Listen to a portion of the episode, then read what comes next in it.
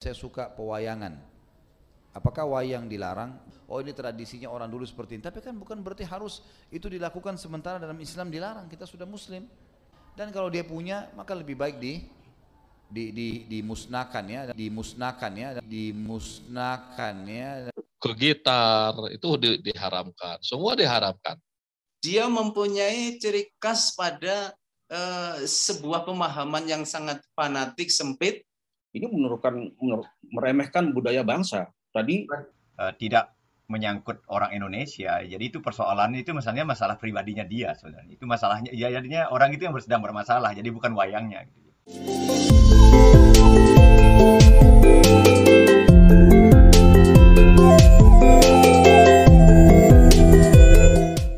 Om Swastiastu, Salam Rahayu, pemirsa Hindu Channel.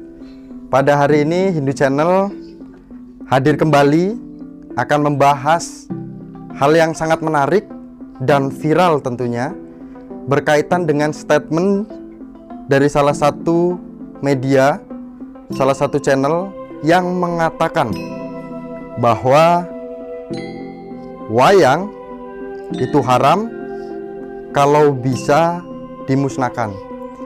Pada hari ini Hindu Channel mengundang tokoh Hindu perwakilan dari Jawa, Sunda, Bali. Langsung saja kita sapa secara daring. Om Swastiastu. Swastiastu. Om Swastiastu. Swastiastu. Pun Sampurasun. Rampes. Rampes. Pemirsa Hindu Channel sudah hadir semua. Luar biasa uh, Hindu Channel menyajikan video-video yang akan ditanggapi oleh para tokoh. Yang pertama, Sunda. Abah Njum. Terima kasih sudah hadir. Ba bagaimana Abah Njum menanggapi adanya uh, statement yang dilontarkan oleh salah satu uh, tetangga kita? Bagaimana? Pun tabe pun sampurasun eh, Rampes. menanggapi tentang kasus ini eh, sebetulnya bukan di tentang wayang saja ya. Sekarang kebudayaan-kebudayaan eh, dengan kearifan lokal di Nusantara ini eh, selalu dibentur-benturkan dengan agama. Ini yang saya uh, sesalkan. Saya sebagai uh, apa lagi belajar tentang kebudayaan tradisional yang ada di Nusantara ini. Uh, apa perlawanan itu semakin berat, perlawanan semakin berat. Nah, adanya kontak langsung dengan uh, harus uh, wayang harus dimusnahkan, uh, terkait wayang diharamkan dan sebagainya itu saya langsung uh, apa menyimpulkan bahwa pemuka agama itu belum selesai ngajinya, belum beres ngajinya. Kalau beliau sudah beres ngajinya, mungkin akan tahu uh, tentang filosofis wayang itu seperti apa, terus udah sampai ke mana wayang itu, dan siapa yang menyebarkan wayang itu, dan dibuatnya dari apa wayang itu. Nah, beliau-beliau tidak tahu tentang uh, filosofis dan asal-muasal wayang yang dibawakannya oleh siapa. Kalau sekarang misalkan wayang atau jenis keseniannya harus dimusnahkan, berarti sudah melanggar satu amanat Undang-Undang Pemajuan Kebudayaan uh, nomor 5 2017 ada di sana 10 OPK. Nah, ini berarti sudah menentang tentang Undang-Undang Pemajuan Kebudayaan. Yang kedua, uh, jenis wayang ini sejak kalau nggak salah 2013 uh, eh, atau 2014 sudah ditetapkan sebagai uh, warisan budaya tak benda tingkat internasional di UNESCO.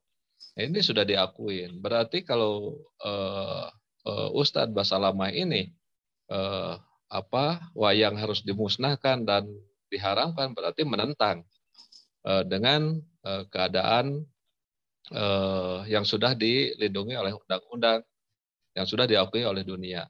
Nah, eh, makanya segala sesuatu itu harus tahu dulu asal muasalnya secara filosofisnya eh, apa cara penyebarannya pun oleh siapa.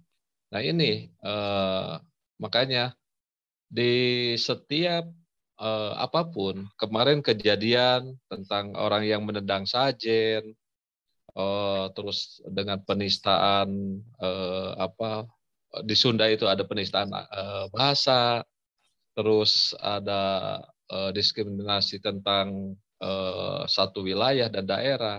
Nah ini yang selalu dibentur-benturkan dengan agama dan politik.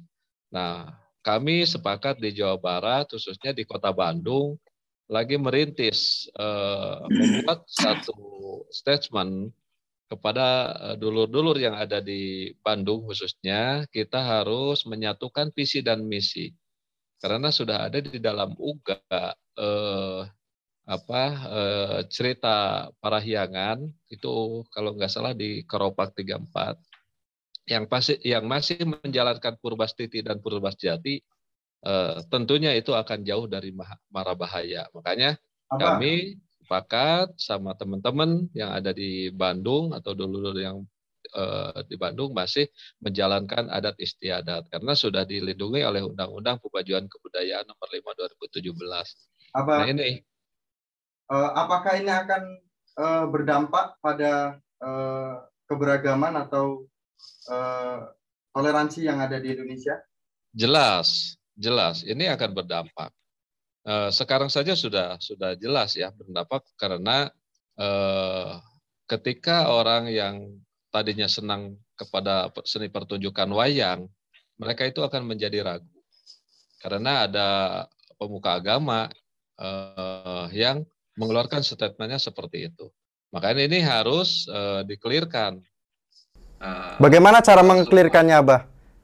Uh, semua uh, yang ada uh, apa budayawan yang ada di Nusantara ini harus mempertanyakan keberadaan atau asal muasalnya Ustadz Basalama ini dasarnya dari mana mengharamkannya itu apakah haram haramnya itu uh, beliau tahu apa arti haram yang sebenarnya kalau misalkan uh, diharamkan kenapa di masjid uh, di Mekah ada Masjidil Haram orang-orang pada berkunjung ke sana. Kan itu diharamkan.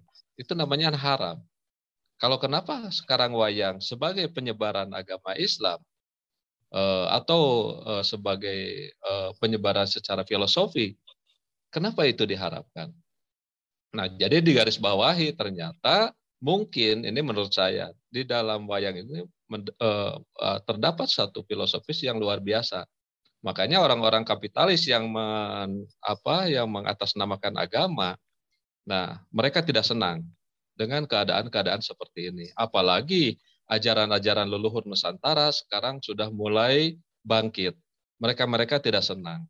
Nah makanya eh, saya percaya ada Romo, ada eh, kesepuan-kesepuan dari Kejawen, dari Bali semua. Yuk kita eh, berbarengan kita langsung melaksanakan atau uh, apa uh, uh, menyatukan visi dan misi uh, untuk uh, apa uh, me, me, apa melaksanakan purbastiti purbasjatinya. Ketika mereka ya sebenarnya tidak sadar ya mereka itu mengharamkan dan harus memusnahkan uh, ke ke jenis kesenian apa pun gitu. Ke gitar itu di, diharamkan. Semua diharamkan. Sementara mereka itu berdakwah memakai mic memakai sound system melalui kanal YouTube itu e, dapat siapa? Kalau misalkan e, berbicara tentang harap dan berbicara tentang kesucian mereka itu kan tidak murni. Mic itu tidak mungkin yang membuatnya atau yang menciptakannya orang muslim. Sound system pun sama, listrik pun sama. Tapi yang sudah namanya memberikan kebaikan terhadap sesama umat, nah itulah orang Islam. Karena Islam adalah eh, agama yang rahmatan lil alamin, tidak pernah membeda-bedakan. Karena sudah diatur di dalam eh, Pancasila di sila yang ke satu, yaitu ketuhanan yang Maha Esa. Kita semua gitu, Pak. Luar biasa, Abah. Kita uh, mendengarkan statement Abah sudah uh, mengharapkan adanya pertemuan para eh, tokoh, para eh, yang disampaikan oleh Abah. Kemudian selanjutnya kita dari Bali. Jero Mangku Danu. Bagaimana dengan adanya kondisi eh, kita sudah lihat secara langsung tersebar di media sosial Jero Mangku. Apakah makna dari haram dan dimusnahkan ini memang harus tidak adanya tradisi budaya atau bagaimana? Silakan Jero Mangku.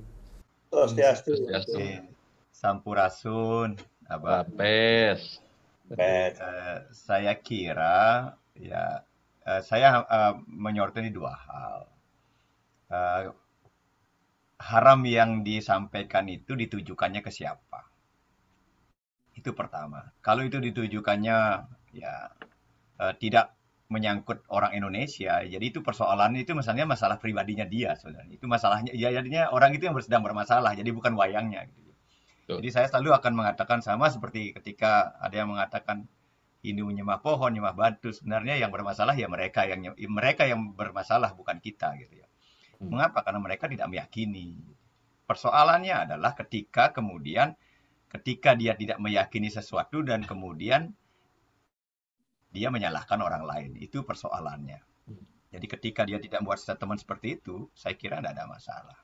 Nah, terkaitan eh, saya kira itu yang pertama ya. Jadi yang bermasalah ya orang itu yang mengatakan A, B dan C itu haram termasuk yang mengharamkan wayang sebenarnya yang bermasalah ya orang yang mengatakan itu gitu loh. Jadi bukan yang sedang sedang bukan orang yang menggembari wayang kemudian melakoni wayang kemudian yang mempresentasikan wayang itu yang bermasalah. Sebenarnya orang itu yang sedang bermasalah. Tadi Abah sudah mengatakan jadi bermasalah tentang ya kadar keimanannya ya belum ya kalau saya belum matang lah gitu. Masih Mengkel juga belum, mungkin masih mentah gitu kan. Kalau pentingan gitu, ini masih mentah gitu kan.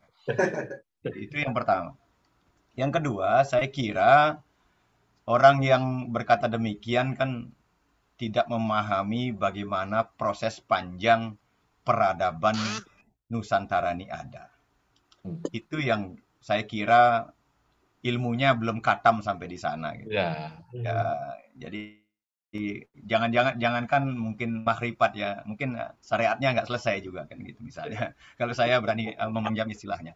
Betul, betul. Jadi eh, yang kedua itu, jadi mereka belum memahami sejarah panjang eh, peradaban Nusantara ini.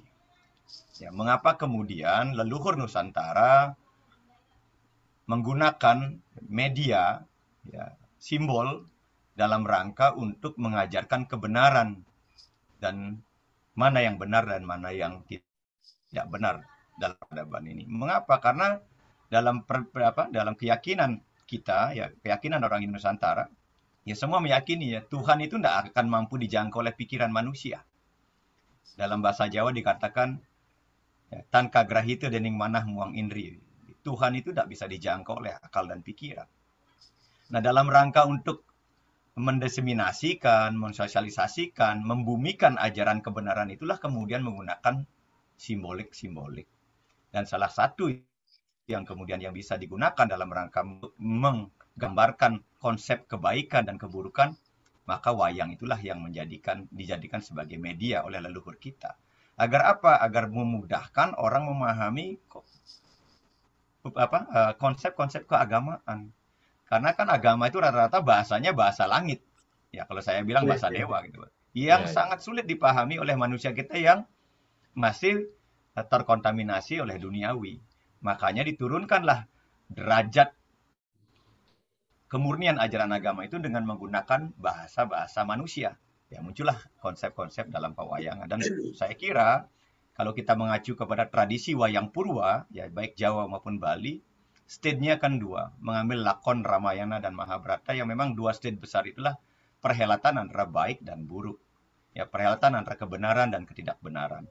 Sebenarnya inilah yang kemudian ingin digambarkan leluhur kita bahwa sejatinya siapa pun manusia itu yang ada di dunia mau dia beragama maupun tidak beragama dalam dirinya ya dalam buana alit atau negara negara abdi gitu ya dalam bahasa Sunda atau itu sesungguhnya juga ada perhelatan antara baik dan buruk apalagi kemudian dalam kosmologi alam semesta selalu diikat oleh uh, hukum kausal gaya tarik menarik baik dan buruk. Saya kira ini adalah penggambaran uh, leluhur kita agar ajaran-ajaran agama yang sifatnya rahasia tadi kemudian bisa lebih dipahami oleh kita sebagai manusia yang memang tidak sempurna.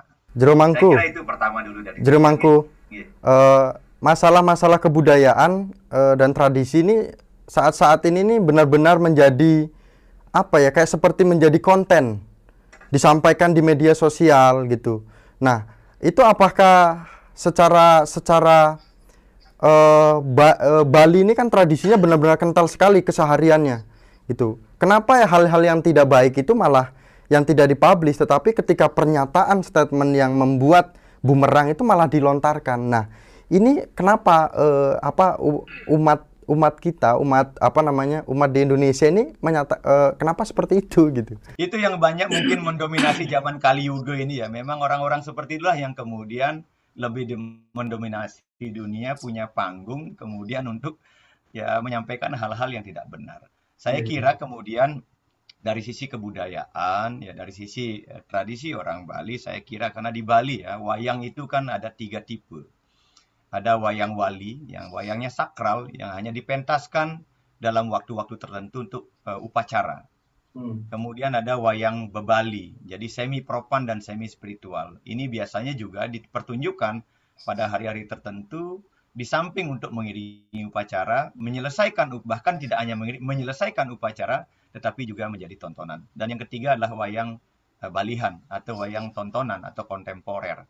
Yang baik wayang wali, wayang bebali maupun wayang balihan, semua di dalamnya itu semuanya menyampaikan pesan-pesan moral antara kebaikan dengan keburukan. Nah, saya kira ya ketika ada seseorang yang statementnya uh, negatif ya satir kemudian bahkan bukan hoax bukan hoax lagi ya tapi fitnah saya kira ya secara intrinsik ya orang itu nggak selesai dengan dirinya orang itu memiliki permasalahan ya mengidap penyakit psikomatik. Tidak saja penyakit fisik tapi juga penyakit emosi penyakit mental ya penyakit psikis bahkan penyakit spiritual. Nanti Aji Dewo lebih menjelaskan itulah. Ya, saya kira itu ya. Jadi saya kira itu kondisi yang eh, yang saya dapati dengan tanda petik ya. Walaupun kemudian mereka berlindung di balik ya atribut gamis, atribut orang suci, tapi di zaman Kali Yuga ini memang kita tidak bisa nilai orang itu dari tampilan luarnya. Kalau kemudian tidak berbanding lurus dengan keadabannya dia sebagai manusia. Saya kira itu, uh, Beli. Terima kasih, uh, Jeromangku. Uh, pemirsa Indo Channel, Jeromangku telah menyampaikan uh, berkaitan tentang budaya, berkaitan dengan, tentang statement yang disampaikan oleh salah satu ustadz yang di media YouTube. Kemudian mungkin orang itu yang bermasalah. Nah, ini menjadi uh, pembelajaran untuk uh, baik itu orang itu maupun kita sebagai umat yang memahami tentang uh, kebudayaan. Selanjutnya akan dilengkapi oleh uh, Pak Yuliana dari Jawa. Nah, telah kita ketahui uh, Pak Yuliana bahwa telah diakui oleh UNESCO wayang ini. Nah, kemudian bagaimana pandangan Jawa tentang statement yang berkaitan harus dimusnahkan? Perlahan harus bisa dimusnahkan. Gimana nih, eh, Pak Yuliana? Silakan, Pak. Swastiastu. Swastiastu, Pak Yuli. Sampurasun. Rampes. Rahayu, Rahayu, Rahayu. Rahayu. Uh, terima kasih dari sudut pandang kami. Begitu mendengar pemaparan dari dua pembicara di depan, dari Abah dan dari Jero Mangkudanu, saya akan menambah dari sudut pandang kami dari Jawa. Kalau saya kebetulan dari penyuluh dan saya orang Kementerian Agama, Menteri Agama sejak Pak Lukman Hakim itu mendengkungkan tentang moderasi beragama. Nah, padahal wayang ini salah satu sarana yang sangat bagus, yang sangat baik untuk dipakai sarana memoderasi umat beragama. Karena pada kalau kami mengacu kepada masa silam pada abad 11 pada Raja Sri Haji Jayabaya Kediri melihat kondisi dharma yang sudah semakin luntur. Nilai-nilai kebenaran ini semakin luntur. Dengan kelahiran cucunya yang diberi nama Raden Angliang Dharma, kalau orang Jawa menyebutkan Angleng Dharma. Angleng dari kata Angliang artinya terpendam atau tersembunyi. Jadi kebenaran, nilai kebenaran sudah mulai terpendam. Manusia sudah lagi tidak mempedulikan tentang dharma atau kebenaran. Di situlah beliau memiliki gagasan bagaimana menciptakan sebuah seni yang bisa dipakai sebagai pertunjukan atau orang Jawa mengatakan tontonan sing ngemu tuntunan. Nah, sehingga diciptakanlah wayang. Wayang ini tontonan. Tontonan yang ngemu tuntunan untuk mengajarkan nilai-nilai moral kepada masyarakat yang pada saat itu nilai moral, nilai dharma sudah mulai luntur. Nah, wayang yang sangat sederhana pada awal pada awalnya di zaman Kediri yang umumnya waktu itu para pelaku dalang itu para bangsawan. Kemudian pada zaman Kediri yang terkenal yaitu Sri Suryo Wiseso, kemudian Kudo Lalean, kemudian sampai ke zaman kerajaan Kediri, raja-raja Majapahit senang dengan budaya wayang, termasuk gamelan. Karena wayang dan gamelan ini sebuah Eh, seni yang sangat lengkap. Seni yang sangat lengkap di dunia sehingga kalau UNESCO itu mengakui dan menetapkan wayang sebagai budaya dunia, ya memang wayang adalah budaya yang sangat sempurna, sangat lengkap. Bisa dipakai nilai dakwah, nilai seni, tarik suara, dan gamelannya begitu yang indah dan lengkap. Nah, kemudian pada pasca masa sirno ilang kertaning bumi, wayang yang tadinya masih berkembang baik di wilayah Majapahit atau di Jawa umumnya, dengan masuknya Wali Songo, lunturlah Hindu atau runtuhlah Hindu. Ketika runtuhnya Hindu pada zaman Raden Patah yang waktu itu juga senang dengan wayang. Ketika ada beberapa wali yang mempunyai niat mau membakar, mau menghanguskan wayang dan gamelan. Jadi tidak hanya sekarang ini, Bah. Termasuk dulu sudah ada wali yang tidak senang dengan wayang dan gamelan. Tetapi untunglah Raden Patah sendiri yang melarang. Tidak, ini budaya leluhurku. Saya senang dengan wayang, saya senang dengan gamelan. Jangan memandang ini tinggalan orang Hindu, tapi ini adalah tinggalan leluhur kami bangsa yang ada di Nusantara.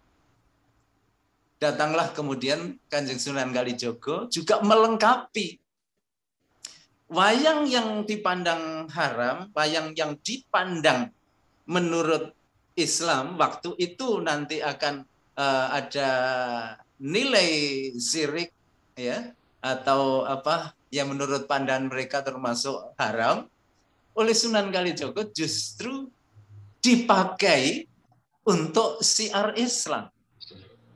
Dan ornamen-ornamen pada masa Hindu yang gambar wayang itu bentuknya kebanyakan mirip wayang yang di Bali sekarang. Jadi tangannya mekar seperti manusia dan lebih pendek dan wajahnya itu terbuka menghadap, maka dalam versi Islam digarap menjadi bentuk miring. Sehingga kalau orang Jawa mengatakan ringgit, barang miring kang kebak sanggit. Hmm. Ringgit barang miring, digambar miring tapi kebak sanggit. Sanggit itu filosofi. Miring tapi mengandung makna filosofi yang tinggi. Nah, kemudian untuk menghilangkan kesan dari Hindu dan nilai-nilai Islam masuk, maka tangannya dibentuk menjadi lebih panjang, glesreh. Kemudian ada bentuk mata, mata telengan, apa itu maknanya? Eh. mata liepan, ya, yang sampai kemudian pada berikutnya wayang selalu berkembang dipakai siar untuk dakwah. Yang dulunya untuk nilai-nilai kebenaran tentang Hindu, karena pada pasca Islam, kemudian dipakailah untuk siar tentang Islam. Dan kemudian pada zaman Raja Mataram, terutama Sri eh, Raja Sultan Agung Hanyokrokusumo, wayang ini lebih disempurnakan lagi. Wayang disempurnakan lagi juga lebih banter. Wayang ini juga sebagai sarana untuk ceramah-ceramah keagamaan. Nah, pada zaman Sri uh, pada zaman Raja Sultan Agung Anyokrokusumo ini wayang betul-betul dalam bentuk sempurna yang sampai sekarang ini belum dirubah. Jadi bentuk wayang Jawa yang sampai sekarang ini ada dalam tampilan itu mulai pada zaman Raja Sultan Agung Anyokrokusumo. Sehingga di sini kalau kita petik bahwa wayang ini tidak dipandang lagi dari nilai Hindunya atau Islamnya, tapi ketika orang melihat tontonan wayang, baik itu orang Hindu, orang Islam, orang Kristen, orang Katolik, yang diambil adalah nilai-nilai moral, pesan-pesan moral dari sang dalang. Hmm. Sehingga tidak lagi di sini orang begitu datang, kalau saya satu misal Eh, ada pertunjukan dalangnya Ki Haji Anom Suroto. Saya tidak lagi memandang beliau seorang haji. Saya memandang beliau seorang dalang yang hebat, dalang yang mempunyai apa ya mengajarkan nilai-nilai filsafat untuk orang Jawa umumnya ini bisa diterima untuk semua golongan. Pak, Dan Pak di Yuliana. sini izin ya. Pak Yuliana. Uh, Bapak tadi menyampaikan berkaitan dengan moderasi beragama, itu Kementerian Agama benar-benar mendorong keras. Nah, namun ini statement ini disampaikan oleh pemuka agama. Nah, ini kan akan berdampak pada generasi kita. Generasi uh, sebagai generasi penekun budaya. Ini bagaimana pandangan uh, Bapak sebagai Dharma Duta Agama? Jadi orang ini memang kalau dilihat dari latar belakang beliau bukan orang maaf bukan orang Jawa atau yang bersikap nasionalisme dia mempunyai ciri khas pada eh, sebuah pemahaman yang sangat fanatik sempit. Kalau tadi dikatakan oleh Jero Manggudanu ya pribadi pribadi. Jadi beliau tidak memandang sebagai jiwa nasionalisme sebagai bangsa Indonesia. Barangkali apa mungkin ada muatan untuk memecah belah kondisi bangsa kita yang sekarang ini sudah mulai bangkit dari peradaban tradisi-tradisi Nusantara ini yang sudah mulai digali oleh anak bangsa. Jadi ada beberapa tokoh yang memang tidak senang ketika bangsa Indonesia ini memiliki akar yang kuat, memiliki cabang yang kuat dan tumbuh sebagai tumbuh apa? tumbuhan yang kokoh yang kuat.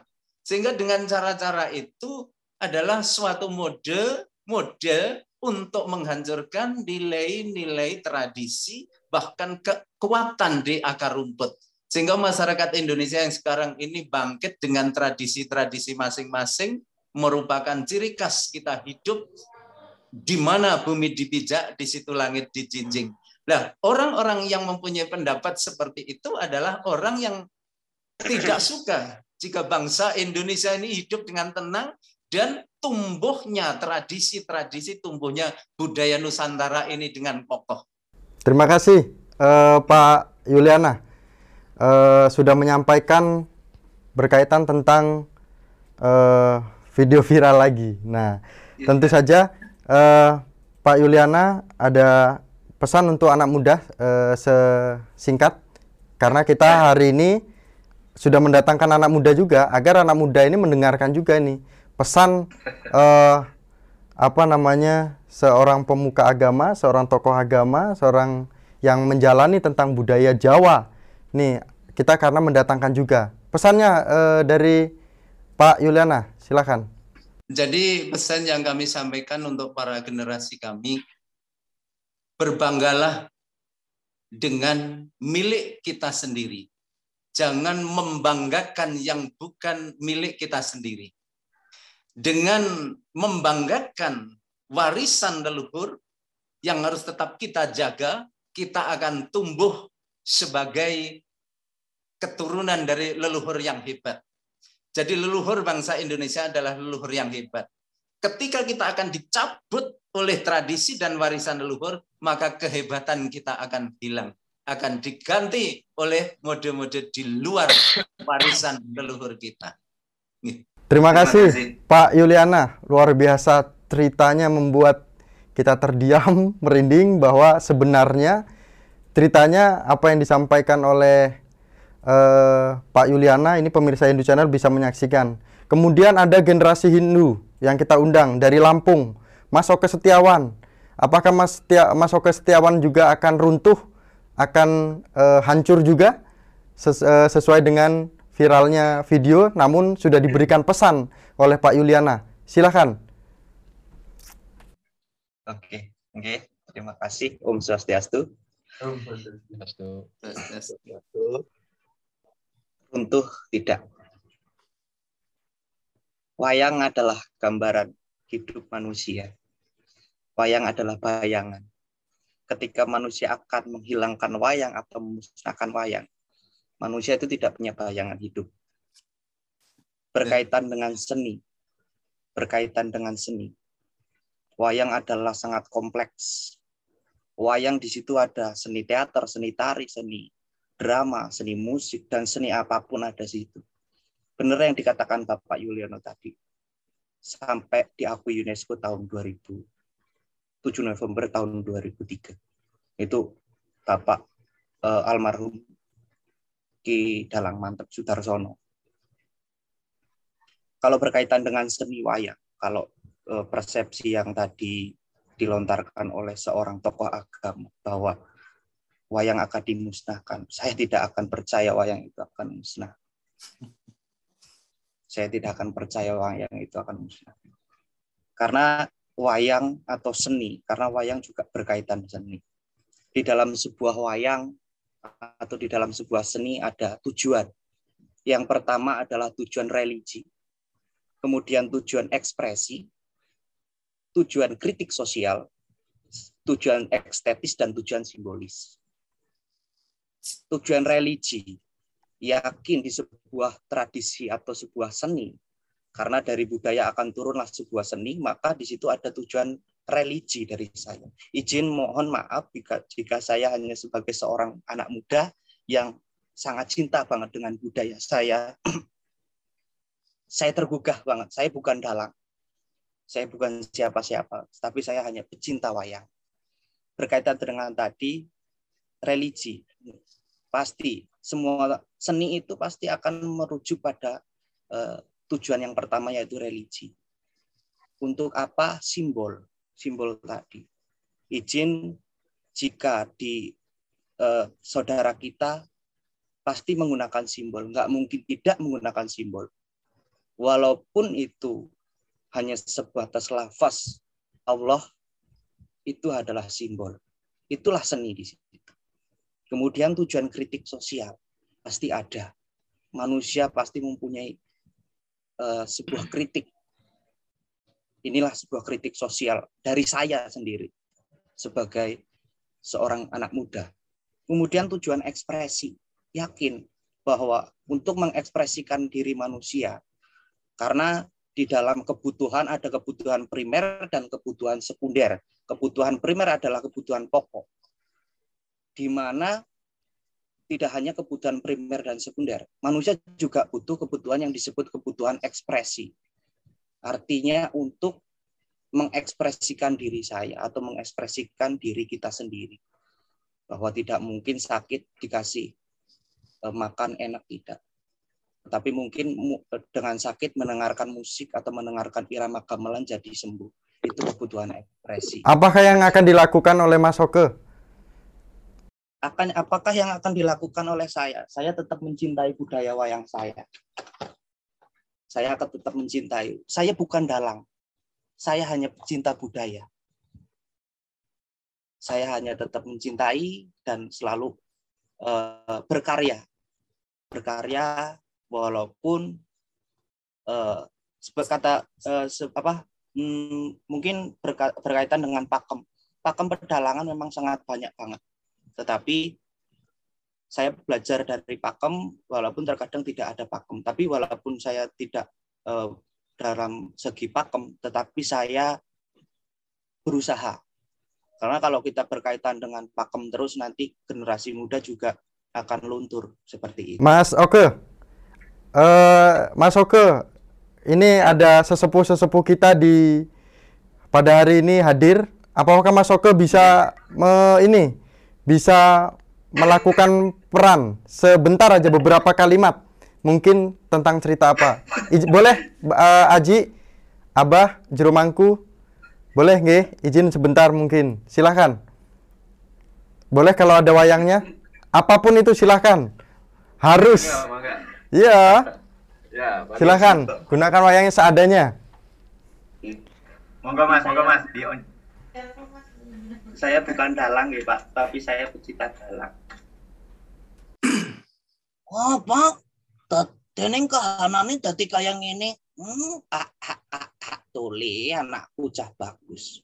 Hmm, wis wancine memang kaya ngene le. Kepiye meneh? Oh, tapi aku sebagai kaula muda aku tergugah, Pak. Aku ki pengen waduh, tertek hatiku pengen Basmi, eh eh eh eh, eh aja kaya ngono le. Api.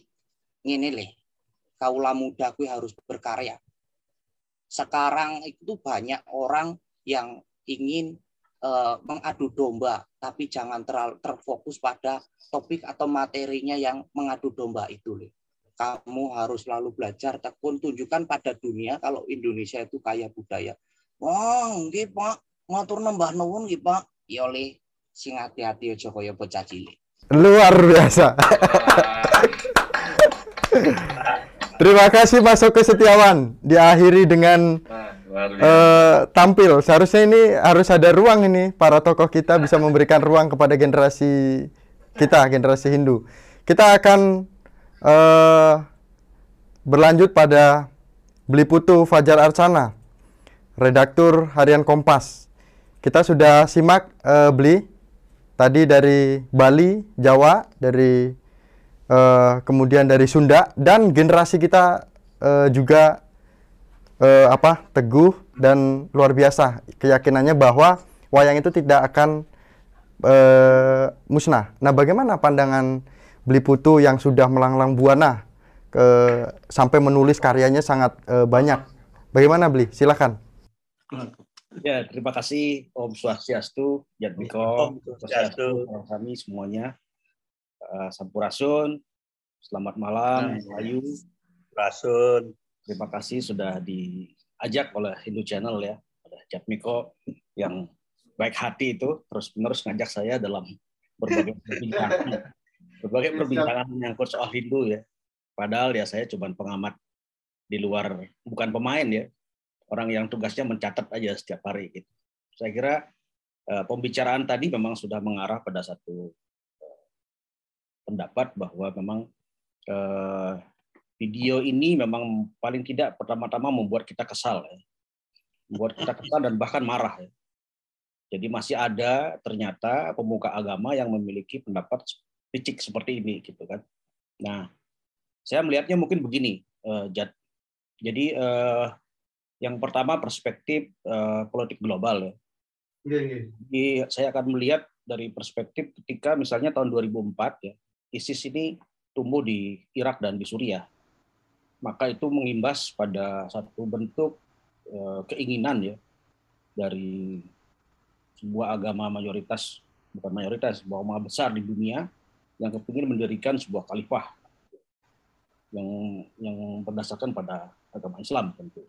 Nah, eh, gerakan ini kemudian menyebar ya ke mana-mana dan bahkan di, di Indonesia didahului oleh eh, pemboman Bali ya tahun 2002. ISIS itu kan sebenarnya penjelmaan dari eh, sayapnya dari Al Qaeda dulu. Yeah. Kemudian menjadi organisasi yang sangat radikal dan inilah saya kira basis dari ideologi keagamaan yang membentuk pola-pola uh, militeristik ya, dalam uh, penyampaian agama di dunia. Jadi ada pemaksaan-pemaksaan secara kekuatan dengan senjata uh, untuk ya, memobilis, memobilisir ya, sebuah gerakan keagamaan bentuknya, mendirikan satu negara yang berbasiskan pada agama. Padahal ideologi semacam ini kan sudah sebenarnya sudah mulai ditinggalkan, sudah lama. Tetapi eh, di zaman modern seperti sekarang masih ada. Dan imbasnya sampailah kepada orang-orang Indonesia yang banyak berangkat dilatih ke Suriah menjadi tentara, ikut berperang di sana. Ini adalah benih-benih yang memunculkan banyak sekali radikalisme di dalam kita. Jadi di situ kemudian bercampur setelah dia sampai di Indonesia, ini bercampur dengan kalau saya melihatnya ya superioritas mayoritas gitu. Hmm. Ada mayoritas yang menindas. Nah, dalam kondisi psikologis yang merasa mayoritas dan superior itu, saya kira sangat mudah akan terjadi peremehan-peremehan, bahkan bentuk-bentuk pelecehan terhadap kondisi-kondisi sosial termasuk tentu saja artefak-artefak kebudayaan yang ada di Nusantara. Salah satu bentuknya yang paling saya kira paling dekat dari kita sekarang adalah bagaimana Bandan itu ditendang. Ya. Itu kan salah satu bentuk dari ya, perasaan superioritas dari orang-orang yang merasa dirinya mayoritas gitu. Ya, ya. Itu satu hal. Lalu yang yang sebelum itu juga ada bahkan umat kita yang tadinya Bali beragama Hindu juga melakukan tindakan serupa ya. Jadi bagaimana dia merecehkan atau meremehkan eh, kebudayaan leluhurnya, agama asal usulnya dia. Hmm. Nah, sekarang berujung pada ini lagi gitu. Nah, menurut saya kalau radikalisme ini tidak diban, di, apa, ditumpas secara tuntas, ini gerakan-gerakan semacam ini sangat mudah ya menginfiltrasi terhadap Eh, gerakan-gerakan yang ada di Indonesia karena basis-basisnya banyak sel-sel elemennya masih hidup. Belican, ya. apakah perlu pemuka agama itu ketika ada isu seperti ini harus kumpul untuk mendiskusikan? Saya pikir uh, tidak selesai di sana ya, tidak selesai itu kan akan uh, cuman sebatas pada dialog-dialog toleransi, formalitas, formalitas toleransi. Tapi negara yang harus bersikap gitu. Karena apa? Kenapa saya berani ngomong negara ya? Tidak hanya jangan sampai umat yang bergerak gitu, tetapi negara karena apa? Kita sepakat bahwa ini negara adalah negara kesatuan, ya kan? Negara multikultur, sudah jelas Pancasila, Bhinneka Tunggal Ika itu kan dasarnya sudah jelas sekali di situ. Kalau kita mau gali di situ, negara yang harus bersikap, negara yang ambil tindakan terhadap tindakan-tindakan semacam ini, gitu. Nah, apalagi terhadap wayang. Wayang itu diakui UNESCO loh tanggal 7 November tahun 2003 seperti dibilang oleh Koko tadi ya. Ya, itu iya. warisan dunia, bukan hanya warisan orang Indonesia artinya, karena dia mengandung nilai-nilai universal gitu, diakui oleh dunia. Itu kan dengan undang-undang pemajuan kebudayaan yang disebut oleh Pak Abah tadi, Abah Jum ya, nomor berapa? Nomor 5 ya, tahun 2017 itu ada di situ diatur. Negara boleh mengambil tindakan seperti yang dilakukan terhadap penendang Banten atau sesaji di Lumajang. Nah, itu saya kira itu hal-hal yang semacam ini saya kira tidak perlu umat harus bergerak, tetapi perlu mendesak kalau menurut saya. Dengan kalau cara, bergerak, kalau bergerak ini, kalau bergerak, negara yang harus memproses secara hukum, ya kan? Artinya melalui aparat-aparatnya dong dengan menerapkan hukum-hukum yang ada kan gitu kan? Bahwa ini ada intoleran, sikap-sikap semacam ini adalah sikap-sikap intoleran yang bisa kalau dia dibiarkan menyebabkan instability di negara ini gitu. Karena apa? Karena kita memang ya secara real ya realitas konkret dalam kebudayaan kita berbeda-beda memang mosaik kebudayaan itu nggak boleh dia sampai bergesekan karena kita sudah sepakat dalam negara kesatuan Indonesia berdasarkan Pancasila kan itu kan dasarnya. Ya, ya, ya. Nah itu negara yang harus bersikap. Nah saya pikir saya menunggu sudah berapa eh, hari ya dari setelah pernyataan itu, tapi negara tidak ada bersikap rasanya. Bahkan Menteri Agama pun mungkin tidak memberikan respon terhadap pernyataan menurut saya meremehkan budaya bangsa ya, bukan hanya orang Hindu. Ini menurutkan meremehkan budaya bangsa. Tadi Pak Yuliono sudah bercerita panjang lebar betapa sebenarnya kalau kita mau menelusur ke akar akal kulturnya sampai jauh ya, wayang itu ada sebelum Hindu ada. Jadi dia kalau tidak salah 1500 sebelum Masehi sudah ada kata wayang itu dalam sejarah kita. Jadi Hindu sebenarnya menggunakannya sebagai media ya media untuk dakwah sama dengan yang digunakan oleh Wali Songo itu. Itu kan artinya bahwa ada nilai-nilai kebijakan-kebijakan kebijaksanaan-kebijaksanaan lokal, nilai-nilai universal yang sebenarnya diremehkan oleh orang-orang yang merasa bahwa kebenaran sendiri. Nah, itu dalam perspektif global ya. Dari perspektif kemudian dari wayang, saya kira eh, kita semua sudah tahu nanti Pak saya kira Haji akan lebih memperjelas ya.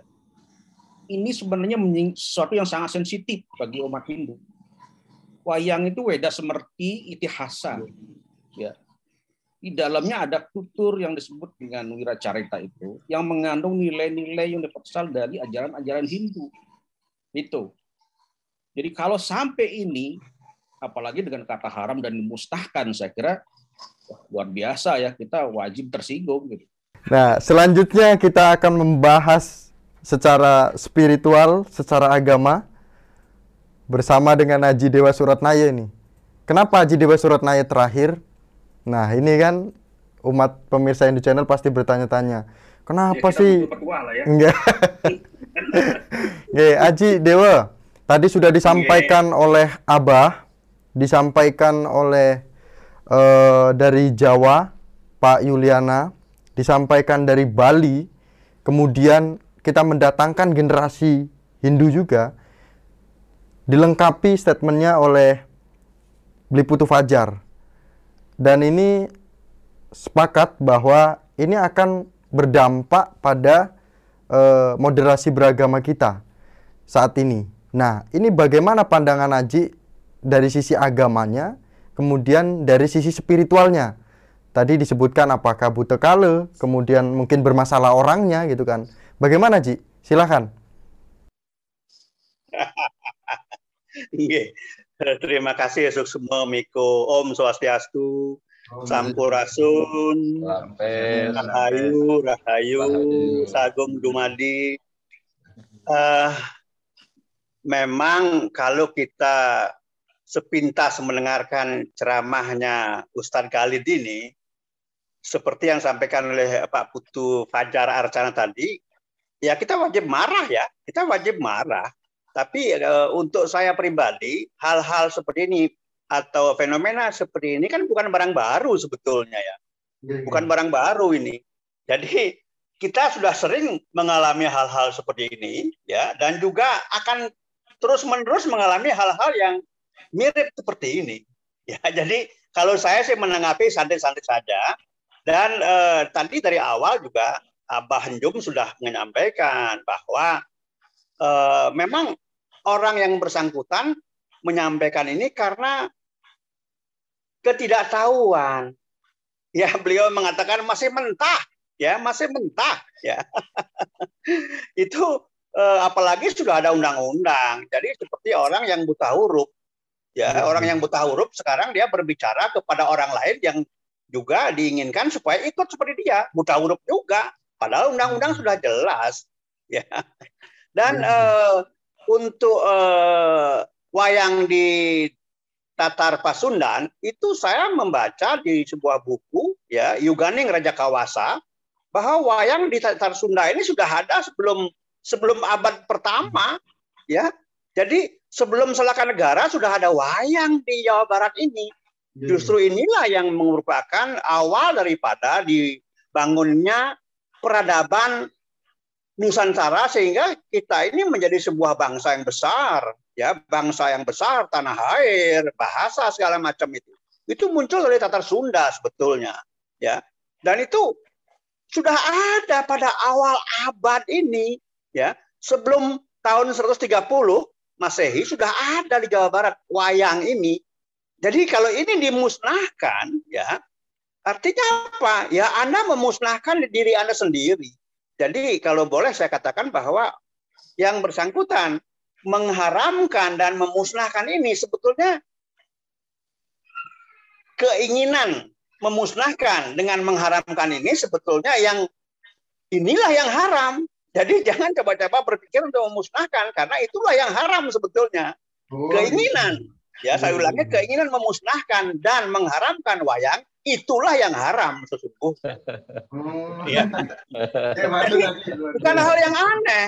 Nah ini jelas tadi Abah Jum sudah mengatakan bagaimana yang terjadi sebetulnya, ya. Dan kemudian juga Jero Mangkudano jelas sekali mengatakan peradaban. Jadi peradaban Nusantara ini ya pada awalnya wayang ikut berperan besar. Jadi jangan berharap Anda bisa seperti sekarang Anda bisa berbicara di depan orang banyak, bisa berceramah, bisa berbusana yang yang uh, etis tanpa ada awal, ya, tanpa ada awal budaya yang membangun peradaban ini. Kita semua dibangun oleh peradaban lama. Ya. Jadi Anda ada itu karena wayang juga sesungguhnya. Ya. Dan kalau kita bicara zaman kali seperti yang disinggung oleh Jero Mangkodanu tadi ya, memang zaman kali ini banyak sekali roh-roh yang inkarnasi yang sebetulnya itu dari kelas-kelas bawah. Ya, itu orang-orang dari neraka semua, neraka syuta itu, kelahiran dari neraka. Jadi sulit untuk berharap, ya sulit untuk berharap kalau kita tidak akan mengalami hal-hal seperti fenomena yang sekarang ini. Pasti akan terjadi lagi, pasti itu, ya. Dan eh, dalam kehidupan manusia ini sesungguhnya kalau meyakini yang namanya punar bahwa ya menitis atau reinkarnasi sekarang bahasa populernya bahwa sesungguhnya setiap orang itu mungkin tidak pernah tahu yang menitis itu seperti apa dulu karakternya. Apakah dia penjahat? Apakah dia orang baik-baik? Apakah dia dulu begal, maling, dan lain sebagainya? Nah, kalau itu tidak dibumikan, artinya tidak dilakukan sesuatu untuk menghilangkan atau memutus karma-karma buruk itu, maka orang yang sekarang pun menerima titisan itu akan melakukan hal yang sama. Nah, inilah inilah yang sering diabaikan. Sementara leluhur Nusantara sangat meyakini yang namanya menitis itu. Jadi beliau-beliau itu punya pola, ya, punya pola untuk meminimalisir dampak buruk dari perilaku orang-orang atau jiwa-jiwa yang reinkarnasi itu termasuk wayang ini sebetulnya. Makanya kan ada ruatan. Ya, ada ya. ruatan wayang itu untuk membumikan supaya manusia ini tidak seperti perilaku buruk yang dilakukan oleh jiwa-jiwa sebelumnya itu ya. Dan ini zaman kali dan yang seperti ini emang nggak terhindarkan pasti akan terjadi ya. Nah kemudian uh, yang disampaikan Pak Yuriono benar ya zaman Jayabaya, Prabu Jayabaya punya cucu yang namanya Angling Dharma. Jadi Angling Dharma ini eh, periode pemerintahannya sebagai raja di Kediri itu 1161 sampai dengan 1171. Ya. Angling Dharma ini memang benar. Jadi beliau Sang Prabu Jayabaya sudah melihat bahwa akan terjadi sesuatu yang membuat dharma itu seolah-olah tidak ada. Maka beliau berpikir untuk meneruskan tradisi wayang yang sudah pernah ada sebelumnya walaupun belum sesempurna yang eh, dibutuhkan untuk hal-hal dalam kaitannya dengan pembumian manusia. Ya. Dan tadi Pak Yuli juga menyampaikan bahwa penyempurnaan wayang dilaksanakan dilakukan oleh Prabu uh, oleh Sultan Agung hanya Prokusumo ya. Nah ini juga selalu ada upaya penyempurnaan. Tujuannya apa pembumian manusia manusia ini supaya berkurang ya berkurang eh, perbuatan-perbuatan buruknya ya jadi Pak Yulono dengan dengan fasih bisa menyampaikan ini karena beliau sendiri seorang dalang sebetulnya minimal mbahnya adalah dalang dan beliau hmm. masih menyimpan wayang-wayang satu peti itu Pak Yulia dan saya nggak aneh dengan Pak Yudi karena beliau dalam wacana-wacananya selalu memanfaatkan model-model dalang. Ya, ya. Nah ini, Aji, nah kemudian Aji Dewa, Surataya, ya. kalau melihat tentang fenomena ini, ini kan berdampak pada generasi kita, Haji. Ya. Nah, yang dia sudah menekuni budaya, nah dia sudah melakukan eh, apa sampai dia juga sekolah tentang wayang. Nah, ya. ini akan berdampak ke situ. Nah, ini bagaimana dengan pola-pola seperti itu? Jika memang sudah adanya statement seperti itu gitu. Uh, sebetulnya generasi muda khususnya tidak perlu resah dengan statement seperti ini. Hmm. Tidak perlu resah. Ini kan statement seperti uh, seperti sebuah angin lalu sebetulnya, masuk kanan keluar kiri. Hanya kita perlu menelaah, kita perlu mengkaji bagaimana kita bisa memahami keluhuran budaya Nusantara. Ya, Nah, nanti tanggal 19 hari Sabtu itu saya kemudian eh, saya kebetulan menjadi seorang narasumber ya untuk eh, sebuah tema yang judul topiknya untuk saya adalah keluhuran budaya Nusantara dalam kurung khususnya budaya masyarakat Sunda. Luar biasa ini ya, besok tanggal 19 hari Sabtu.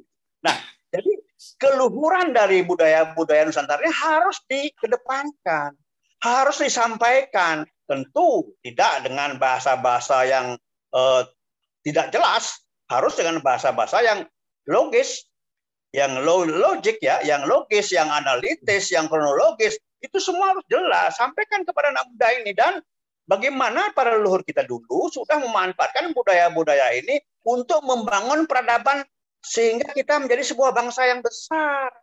Tanpa budaya-budaya seperti wayang ini tidak akan pernah ada yang namanya bangsa Indonesia. Ini tidak ada ini. Haji, Mungkin Haji yang- Dewa Suranaya, ya. apakah bisa dihancurkan secara spiritual, Ji?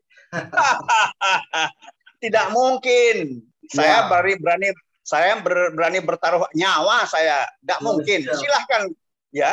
Ya, Perihal betul. mengharamkan silahkan boleh-boleh saja mengharamkan karena kita emang tidak punya hukum untuk melarang orang mengharamkan. Tetapi untuk memusnahkan silahkan saja kalau anda mampu. Secara spiritual, semua budaya-budaya luhur yang berasal dari leluhur Nusantara ya tidak akan mungkin bisa dihilangkan sampai kapan pun. Maka saya harus mengapresiasi yang dilakukan oleh eh, Mas Oke Setiawan itu begitu muda sudah berani dia berdalang, berani dia Nah, berdalang seperti apa pun itu itu luar biasa. Ya, saya sendiri sejak kelas 2 SD memang gila gila wayang, kelas 2 SD sudah gila wayang saya. Dan waktu saya ke Lampung di Desa Wonosobo itu ada satu eh, sesepuh yang memang dalang. Saya lupa siapa beliau, tapi beliau sudah nggak ada sekarang ya di Desa Wonosobo di Lampung itu. Ya, nah bangkitnya sekarang budaya-budaya Nusantara, apakah namanya tradisi, adat, apa pun itu bentuknya seperti apa, membuat sekelompok orang takut. Iya, iya. takut ini bukan bukan lagi bukan lagi anu ya tapi takut ini bukan marah. Bukan lagi marah takut.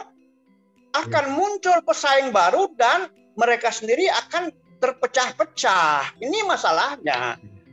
Ya. jadi mau tidak mau kebangkitan budaya Nusantara tidak akan bisa dicegah tidak tercegah.